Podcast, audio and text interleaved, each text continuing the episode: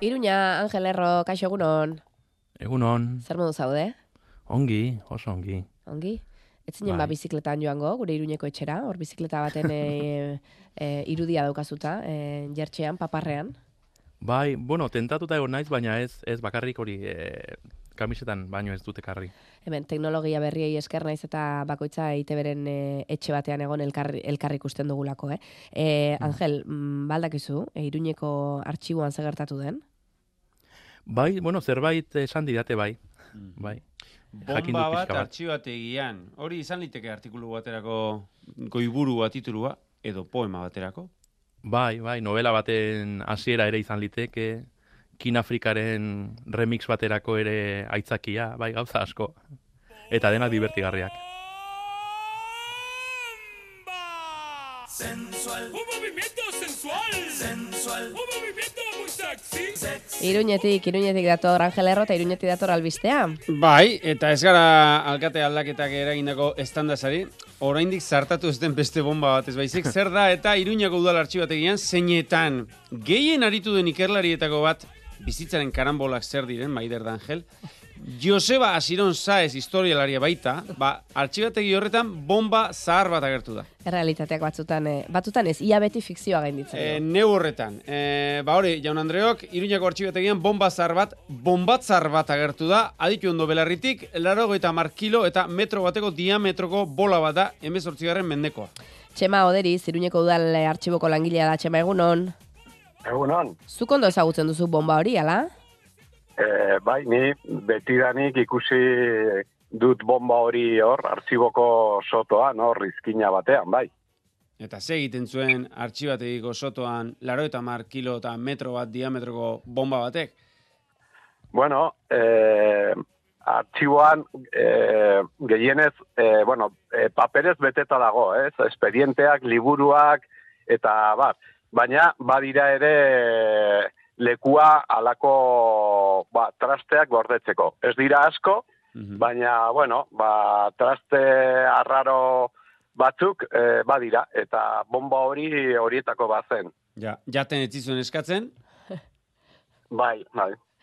Esan dugu bomba handia dela, e, laro eta mar kilo, metro beteko diametroa, eta da, ba, bomba bat esan dakoan, e, burura denoi datorkigun bola hori ez, emojietan agertzen den bomba tipiko hori. Bai, bai. Esaten dute, bueno, eh, aditu batzuek esan dute agian eh, duela eh, berreun urteko bomba bat zela. Eh, bueno, guk eh, beti pentsatu dugu eh, ustuta zegoela, ez? Eta ez zegoela inolako eh, arriskurik, eh, gainera batzutan mugitu behar izan dugu, eta bueno, eh, borobila denez, ba, bueno, baloi bat izango baliz bezala mugitu dugu. E, poliki poliki, peso handia baitu, baina, bueno, horrela mugitu dugu. E, eta ez da inoiz ezer gertatu, baina, bueno, e, e, oso gutxitan e, Ja. e, leku saldatu dugu. artxibo zain izateko oposaketak egitean, hori bomba mugitzea ez da ez dizuten galdetu. E, ez, ez. Aizu, eta bombez gain, beste tramankulu, trepeta, altxor, eh, horrelako, zean, eh, kontu berezirik balduzue. Bai, bueno, beti izaten dira alako e, gauza zarrak, ez? Bueno, e, bomba horretatik aparte badira artilleria pieza batzuk, baina, bueno, e, asko txikiagoak eta, e, bueno, hori e, baditugu e, batzuk.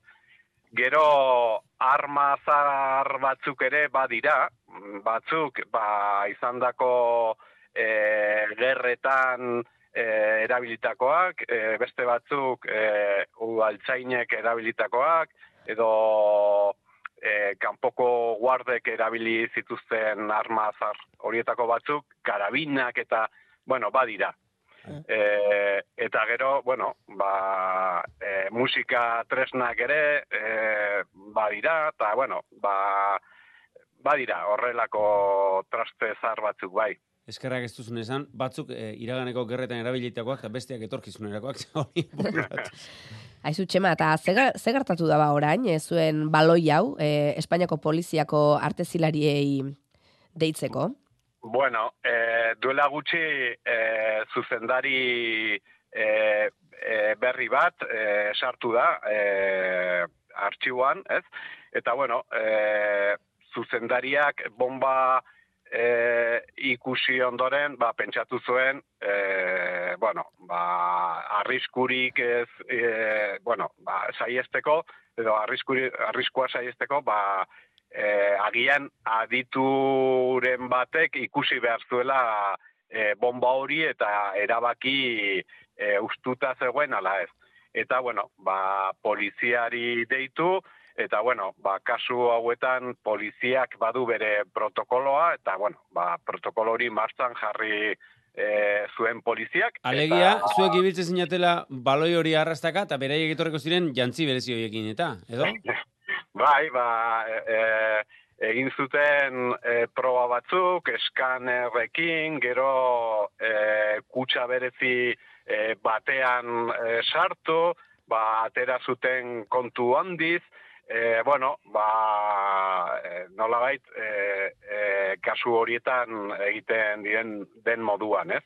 E, baina, bueno, e, guk e, hortik, e, bueno, pentsatzen dugu horrela egin behar e, dela, ez? Ba, kontu handiz, badazpada, baina, bueno, e, e, ez dakit, e, nik uste dut, e, ustuta e, i- e, izanen dela, ez? Baina, auskalo, agian esango digute e, hori, ba, polboraz beteta dagoela, eta arrisku handia izan dugula azken urte hauetan. Ba, alako notizirik baldin bada, berrez akordatuko gara zurekin dautxe ingo dizugu, etxema. Vale, vale. Txema Oderiz, Iruñeko artxiboko langilea eskerrek asko azalpena bengatik eta ingo dugu bisita bat egunen batean, eh? Zurekin artxibora, uste diguzu behintzat. Bai, bai, ba, e, gure ateak irekita daude guztientea, bai. Txema, egu berrion.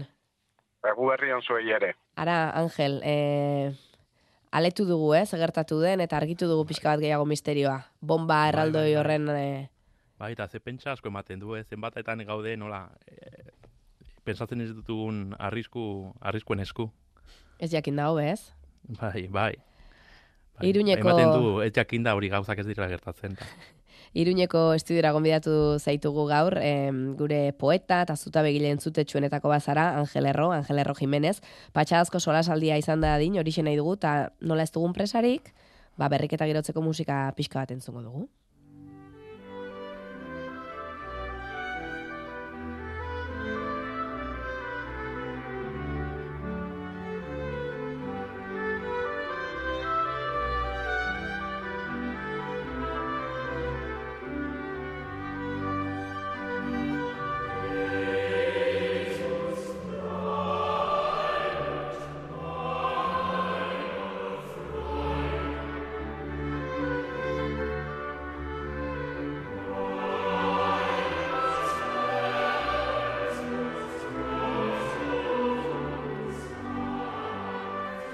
Musika klasiko zale omentzara, Angel. Bai, bai, bai, bai, bai. Noiz Eta entzuten hori- duzu musika? Noiz, Bai. Ba, bo, bo, edozein momentutan. Gaur eh, kotxez etorri behar izan naiz onaino eta eh, hor egon naiz musika entzuten eta egia da alako musika entzuten dudala bakarrik nagoenean. Baina aurrekoan egon nintzen pensatzen, ez? Jendeak uste hui du hori bakarka egiten ditugun gauzak direla gauza benetakoenak, ez?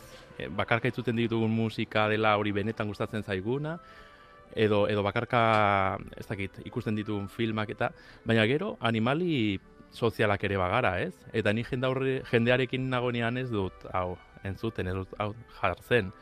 Ez? Diot, e, dake, gauza bakoitzak badu bere momentua eta musika bakoitzak ere badu bere momentua. Egia. Ze gauza. Niri ere Bai. gertatzen zain musika klasikoarena. Eh, Angel, zen moduz bizi zara? Ze bizimodu berria eh, duzu, hilabete da. Hilabete da justu, hilabete eta Bai. egun pare bat, edo egun bat, eh, berriak azetan eguneroko artikulua argitaratziari utzi zeniola. Eta puska batean aritu zara horretan. Bai, bai, amar urte luzetan, amar urte eta koska egun naiz hor. Eta egia da, buruak, eh, hori, ohitura hartzen du ala, hori, hori egitera, lan hori egitera, eguneroko zutabe bat zehatzera. E, Gero, pensatu dut, e, iritzia ere, iritzi emateko almena ez ote den ere giar bat, ez? E, hola, ejerzitatu egiten dena. Zeren, nik oraindik nago hori, e, ariketa horren, ez dakit nola esan, eskasean bezala o faltan, ez dut esaten faltan botatzen dudani, baizik eta oraindik hori badaukadala horlako oldarri batzuk, ez? Zerbait ikusi telebistan eta san, ai, nire iritzi eman nahiko nuke honetaz. Baina bueno, kentzen zait, eh? Deitzen diot lagun bati edo edo inguruko norbaiti txapa txiki bat botatzen diot eta baina et, gero eta leunagoa gainera, berez, hemendik gutxira, nik uste dut hori normaltasunera gizarteratuko naizela berehala alegia. Baina ez duzu idazten, burura datorkizun hori, ez duzu idazten segitzen, naiz eta ja ez izan Ez, eguneroko lan hori, ez. eta egin behar hori, ez. Gainera, e, apunteak etartzeko zer idatzi eta asko erabiltzen nuen mugikorra.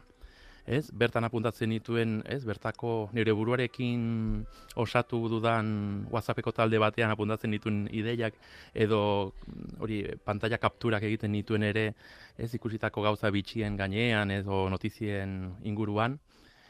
Eta hori egiteari utzi diot eta erosi erosi dut e, moleskin bat, baina hori, marka zurikoa. Beltza, Etzen baina iten mar- nahi hogeita bost eurozo pagatu. Ba, ez, ez, gaina Frantzia, e, Frantzia edo non? Bai, Frantziko Lidl batean. Hori, bi edo hiru eurotan bi kuadernotxo zeuden eta pegoa emateko modukoak. Hori da mauka. Bai, abuztuan, eh? E, e, jakinda gainera utzi behar nuela idazteari eta pensatu nuen, erosiko dut hau eta hemendik aurrera nire gauza gorenak eta hemendik hemen apuntatuko ditut. Eta beti daramat gainean, baina oraindik ez naiz ausartu ezer idaztera. Ja, benetako moleskina claro, balitz bezala. batez ere, bai, lehenengo hausnarketa oso sakone izan behar dulako, eta eta ez zaizkit olakoak ateratzen. Uh, beraz, pixka bat eh, berreskuratu duzu, eh, poeta erromantikoaren aura hori, ze geurekiko ez da gauza bera, eh, kuaderno batean eskuz idaztea, eh, eh, Bai. norberaren kaligrafiarekin, edo zuk hor aipatzen ari zinen moduan telefonoarekin argazkiak ateratzea. Bai, bueno, ez dakit, eh, nire naiz argazkien kontrakoa eta hola ibiltzearen kontrakoa, gainera, e, gero hori neurtu behar duzu ere zure irudia neurri batean, ez? Eta sartzen bazara, egon, ba, ba, toki batean bakarri badin bazaude eta ateratzen baduzu moleskin edo kuadernotxo bat, ez? Aroduna bada ere, jendearek Eh, jendeak ez, begira zaitzeke pixka bat arraro, ez, eh? tipo hori zari da hor apuntatzen, eh? Polizi sekretu bat izango da bomba berri bat de- deskubritzeko zerian, baina berriz, ateratzen baduzu mobila, ez, eh, jendeak pensatu du, bos, lagun bati hariko zaio idazten, ez, hariko da erosketa zerrenda zehatzen, osatzen, eta berbadazu zaude, ez dakit. Zer gertatu da? Euskal Zer- Herria, Bai. bai, barkatu, euskal literatura hori iraul, irauliko duen zerbait asmatzen ari. Zer gertatu da, e, zeure buruarekin daukazun WhatsApp taldearekin? Orain egiten duzu, em, erosketa zerrenda puntatu bertan? Ez, bueno, oraindik gauzatxo batzu, baina, bueno, nahiko, nahiko isilik dabil. Mm. Bai. Aizuta, eh, zakutorik edo bizkarzorrorik edo zerbait erabiltzea alduzu. Mo, alegia, marka zuriko moleskin horiek gainean aldituzu. Bueno, eh, ni normalian, eh, hori, poltsikoak beteta ematen duen, dituen norbait naiz, eh?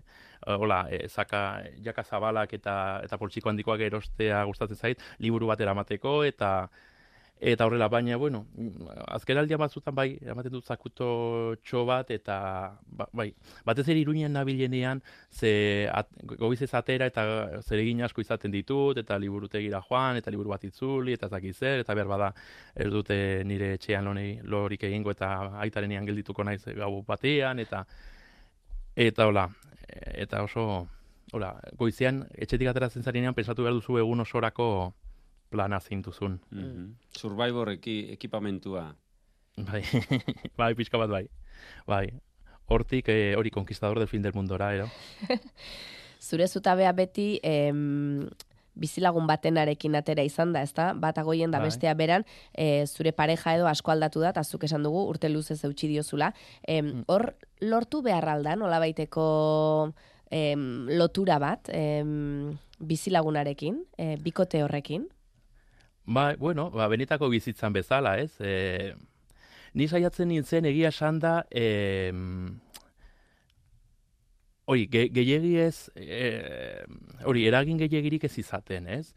E, hori, ba, ba irakurtzen nuen tarteka ez, el, bizilagunarena, noski, baina ez berehala. Egun batzuk pasata eta egiten nuen errepaso bat, batez ere, ze olo, hori, ze bestela tentazio iz- izan dezakezu, ez, bide beretik jorratzeko, ez, eta e, be, be, besteak jorratu bat dakize gai, e, ez, berbada pensa dezakezu, eta nik zergatik ez dudan ez, e, hori horri buruzko ez- ezer esan, ez?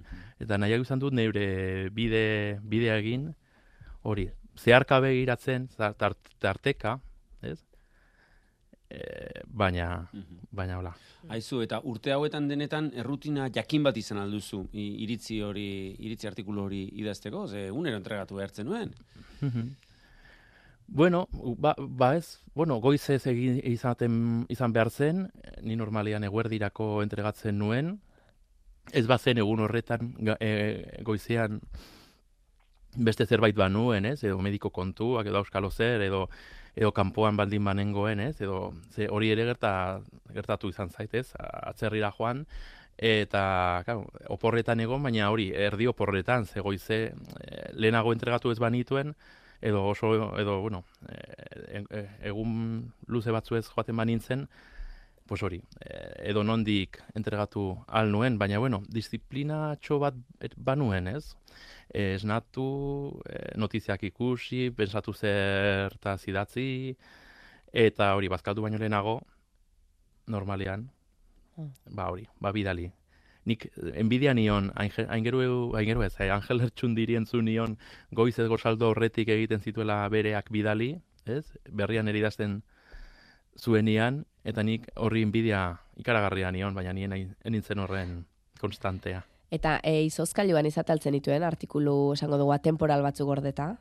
Bada espada. Bueno, ala, ala olkatu zi, zidaten niri e, berriatik, e, hori hasieratik, eukitzeko bat edo bi, bidalita izan ere bat, e, ali, pues hori, zerbait gertatuko bali zait, eta ni hasieran saiatu nintzen alako bat egiten, baina mm, egiten nuen, eta alperkeria sartzen zitzaidan, eta, bueno, erabiltzen nuen berehala. Behaltzen egun horretarako. Batez ere ona iruditzen bat zitzaidan, esatu nuen, baina ezin dut hau gordeta euki, ez? Hain ona izan da. Gero, gero batzutan pensatzen zidan, eh? imaginatu ez, zore behatu egiten naizela kalean, eta egun horretan ezin dudala ezer bidali edo zerbait, ez? Baina, bueno, behintzat, e, osasun aseguru bat izan da lan, hau, lan honetan ibiltzea, ze ez dait inoiz eh, gertatu, amar urte. Hamar urte eta koska utxik egin alduzu sekula. Nik ez, ez, utxik ez. Eta zein da lantegi honek eman dizun pozik eta disgusturik handienak? Zein dira? Bueno, poza, e, kau, e, nik lehenagotik zerbait idazten nuen, ez? Eta liburuak publikatua izan ditut e, honetan hasi baino lehenago. E, eta garo, goi literaturakoak noski.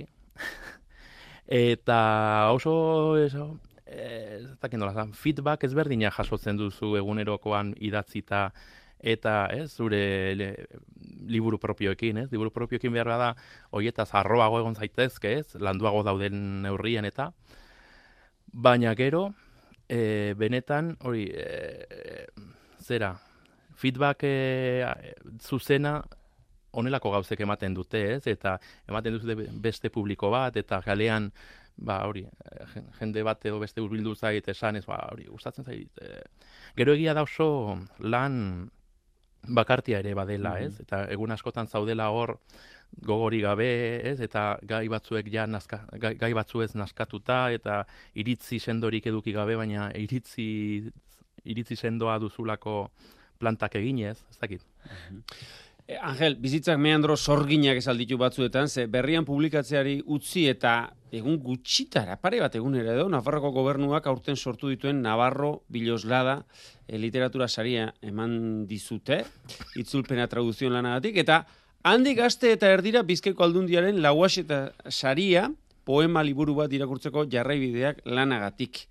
Eta entzun dezagun, e, sari banak eta horretan bertan, e, ekitaldiko une bat, amai euribe, ari da aurkezletzan, Oraingoan ere epaimaiak aho batez erabaki du irabazlean orden, entzun. Ama, egunero egiten ditut gauzak hilda egon etzaitezen. Gozaltzen dut zitarekin. Gutxien espero dudanean zure ahots zehatza en- ezagutzen dut besteengan. lan egiten dut, maite mintzen naiz. Hogeita amabost urtetik gorakoen poesia saria, poema liburu bat irakurtzeko jarraibideak poema bildumaren egilea den Angel Erro Jimenez entzatzatu, zorionak. Salo zaparrada luze bat, orain, eta Angel... Bai, kostatu zitzaidalako igotzea, eh? Bai. Baina bain hitz hartu zenuen, eta oso polita da eh, egin zenuena, hain akto solemnea izateko, jendea parrez jarri zenuelako. Ja, entzun dezagun, bazoaz gora. Bueno, eskerrak, liburu atera dut, eh? Ez dut nik ere zer prestatua ekarri. E, hori, e, hogeita ma bost urtetik gorako entzako sari hau, ez hain gorako ere. Eman diatenei eskertu nahi diet, oso Kaskoak pozik nago liburu hau. Angel, ez duzu maite zeure burua entzutea? Bilbotik edo zelako. Eh, Blas de Otero, Ángela Figuera... Bueno, eh, Bai. bi sari jaso dituzu oso denbora gutxien. Bai, bai, eta, bueno, jendeak, eh, bueno, jendeak, e- e- ez tropelka, baina norbaitek zoriontzen nauenean orain, claro, galdetu behar diot, baina zergatik? eta oso arro, arro, arrosko egi gelditzen nahi, ez? Zergatik zoriontzen ari, ari zara, honegatik edo besteagatik. Eta, edo, po- edo poeta, oroar. eta poeta, po, poeta pobre izateri utzi diozu gainera. Bizkat aldi baterako bai, mintza. bai, bai, bueno, bai, bai, aldi baterako, ez, gauza hauek bakizu. Eta, bueno, oso ongi etorri zaitze berriako hau utzita eta honetara sartu naizenez, honetan zehatu naizenez. Bai. Lauaxeta sariaren banaketa ekitaldi horretan esan zenuen, em, Joana dela poesiaren urrezko aroa. Zeren urrezko aroa da, egun bizi duguna, esango zenuke? Bueno, ez dakit, ez dakit, eh, ez dakit, behar, behar bada ez da egia esan nuena, eh? Ez, eh, nik ez daukat eh, tresnarik hori neurtzeko, baina, bueno, eh, impresio orokorra da, ez? Eh, behar bada jendeari oroar, behar bada inoiz ez zaio poesia gehiagi interesatu eta ez dugu zertan, baina behar bada orain gutxiago, ez dakit. Baina, bueno, niri ez zait gustatzen negarretan astea, ze gustatzen zaionari asko gustatzen zaio irakurtzea, irakurle klubak be, zenbat dauden eta ze kalidadekoak ikustea besterik ez dago. Mm, Ez, Euskal Herri osoan eta eta munduan ere eta bueno, baina bueno, ba bakizu, eh, idazleok beti negar puntu bat eh, batez ere hori eh, erakunde agintarien aurrean pixkat negarra egin behar da, ez? Aber, z- igotzen duten diru laguntzak eta gauza horiek. E, zure azkena, e, Navarro Bilosla saria irabazi duena, itzulpena traduzion, argitara gabea da oraindik, privilegiatu gutxi batzuek baina ez dute irakurri. Tartean, Navarro Bilosla saria eman duten epaimaikideek, eta hoiek esan dute, eta zitatu egingo dut, egunerokoa eta nostalgia e, jarri dituela elkarrekin lanean Angel Errok eta oroitzapenaren edertasuna igarri daitekeela. Eta ez hori bakarrik. Esan dute baita ere, hizkuntzen arteko interakzio sotila ere sumatu dutela zure lanean ispilu labirinto batean nabigatzearen antzekoa. Ta, pentsatu du geurekiko poeten lana juzgatzen dituztenak ere poetak direla, ezta? Ebazpenetan horrelako jartzeko. Bai, bueno, bai, ba, baten bat bazegoen epaimaian, bai. Ez dakit denak ziren poeta, baina bai, baten bat bazegoen. Hmm. Bai, bai, nik hori ulertu eta pensatu nuen beste norbaiti saria mana ziotela. Nuen nire burua eh, hori ikus, hori, islatu ikusi hor. Zeure poesia errezitatzea maite alduzu, ahots goran, eta jende aurrean? gehiegi. Ez gehiegi. Ez gehiegi. Ez duasunean jarriko zaitugu esan ezkero eh, orduan. Eskatu Bueno, bai, egingo dut, egingo dut. Baina uste dut, bi momentu ezberdinak direla, badago jendea oso trebea dela, ez? Mhm. Plaza gizon eta plaza emakumea dela, ez? Eta edo zer gauza irakurrita modu zoragarrian egiten alduela, ez? Baita boletin ofizialeko not, eh, lege bat irakurrita ere, ez? Poetiko irudi dezakela, Eta nik uste dut poetaren lana dela idaztea, ez? Gero, e, sorta, ge, egoki da, suertatu daiteke irakurle ona izatea, baina nire kasuan ez da, ez da gertatu. Mm. Irakurriko alde guzu. Baina, bueno, bai, e, baina pensatu dut, e, hori, liburu berriko poema bat irakurri beharrean, irakurriko dudala bi, ai, bertako bi aipu, jarri ditudanak eta pixka bat liburuaren, ez? Mhm. Ongi iruditzen zaizuen? Bai, bikain. Liburuaren pixka bat hola, e, oinarria edo bertan dagoela. Lehenengoa da oso erraza, da eh, Juan Mari Lekuonak oihartzunen bildu zuen eh, herri kanta baten zatia, Sagarra manzana, ikatza karbon, mujer andria, hombre gizon. Pixka bat nik poema, poema eh, ba- barkatu, itzulpena tradukzion horretan egin diot horri Bai, bai. zera, eta berez, Hizkuntzen arteko interakzio sotila hor ikusi dugu. bai. Eta gero, Antonio Casado da Rocha, eh, poetak, hernaniarrak, badu poema bat, ez, iz, mm, hori, eh, hizkuntzen kontuak eta eta zenbat eh, eta hizkuntza gehiago jakin nola zauden poesiaren zer izana zer izanera eh, gero eta hurbilago, ez? Bere poema horretan esaten du. Zorionekoak laugarren hizkuntza ikasten ari zaretenok. Poesia zer den ikasi baituzue. Zorionekoak hirugarren hizkuntza ikasten ari zaretenok. Elebidunak baitzarete. Zorionekoak elebidunok. Mundu, mundua izendatzeko bi maneratan partaide baitzairete. Baina, zorigaitza zuei, elebakarrak, zuentzako kalte. Hori, hori da poema, eta neurri batean poem, eh, poema liburu honetan ere bi hizkuntzak agertzen direnez, ez? Claro, eh, egon daiteke jendea irakurri eta pensatuko du, bueno, nik erdia ulertzen ari naiz, ez? Baina, ez, ez zara erdia ulertzen ari. Galtzen ari zara elibidun batek izan dezaken osotasunaren ikuspegia. Mhm. Hori da plantamendua, liburuarena. Ba, Hori, a, a, da- datorren urtean edo aterako dena.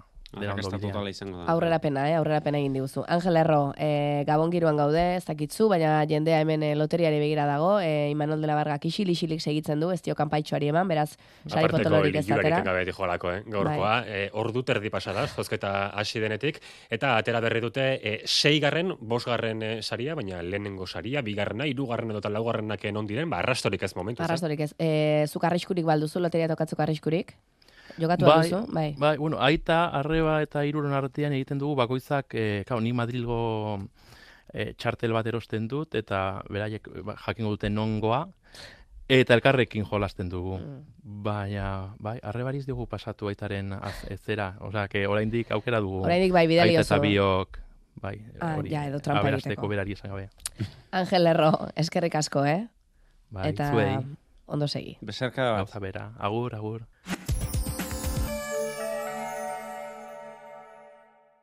Emakumea